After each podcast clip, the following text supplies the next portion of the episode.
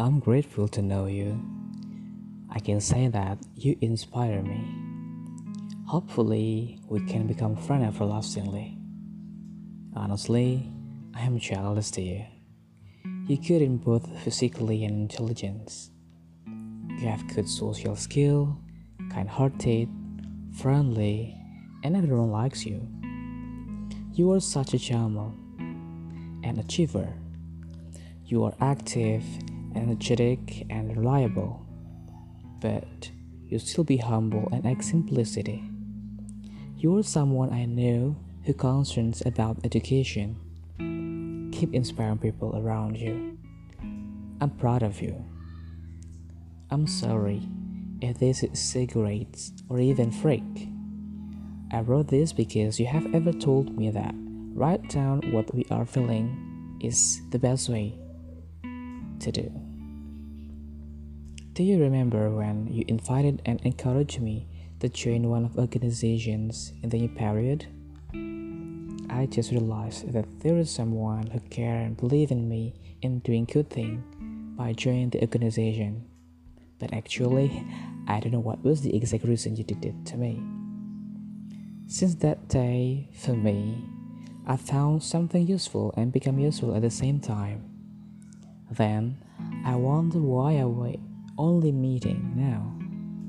But time is never wrong to meet someone or anyone.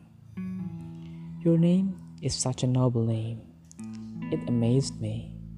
I have imagined how cool are you. Bearing the name is totally suit you and to your character. The other thing is that you can manage your time wisely.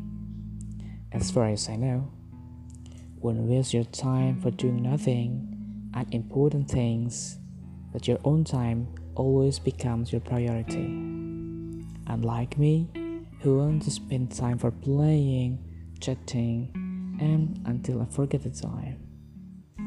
I can figure out what my goal will be.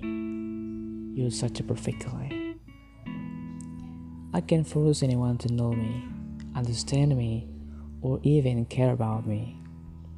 For of course, it must be my, my me myself, since everyone has their own life. I have no right to interrupt them, especially you, as to why I overcome my problems.